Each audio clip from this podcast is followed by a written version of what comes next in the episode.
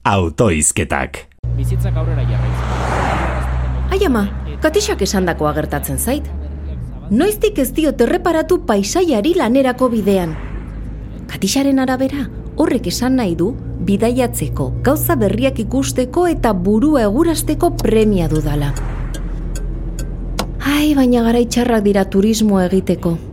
Eta zure iria, turistentza diseinatuta badago, orduan garaiak txarragoak dira. Omikron ber hiru baina txarragoak.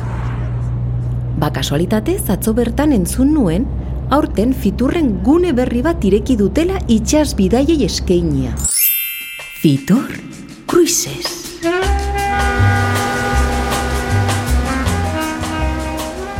Nik gehien jota autobidaiak egiten ditut, ze txalupa puzgarrian ere zorabiatzen naiz. Transatlantiko batetik gertuen, ba, pentsatu dezadan, Bakaziones en el mar ikusten nuenean egongo nintzen.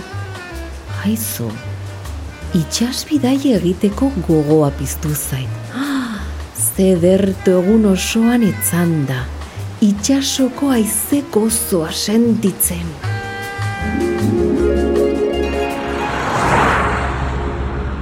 Sartzeko ziurrenik Australiar estiloko COVID kontrolak egingo direnez, ez da leku seguruagorik egongo disfrutatzeko.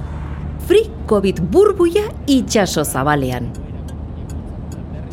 Ai, alare ez dut ainargi ikusten divertimenduaren gaia. Hmm, esango nuke jendeak, erritmoa galdu duela. Ah, hori da? Kontratatu dezatela Boris Johnson animatzaile gisa? Bere gaitasuna kontuan izan da? Herrialdeak zuzentzen baino lan hobea egingo du.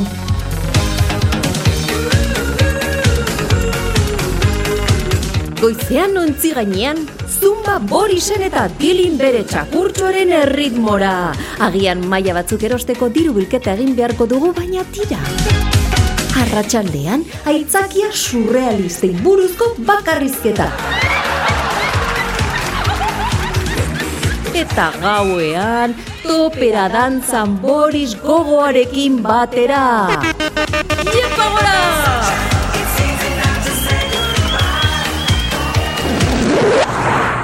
Hori bai, hobe esatea bilerak zuzentzeko kontratatzen dutela.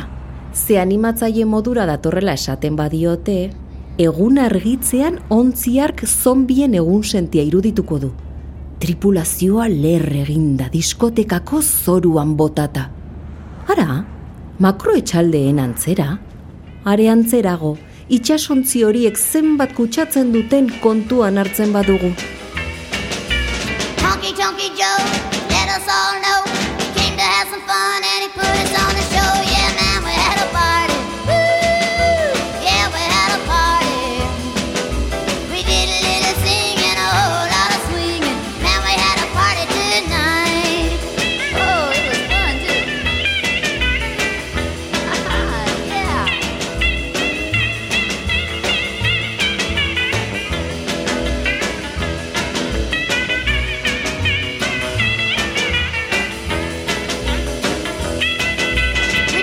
records on the hi-fi machine.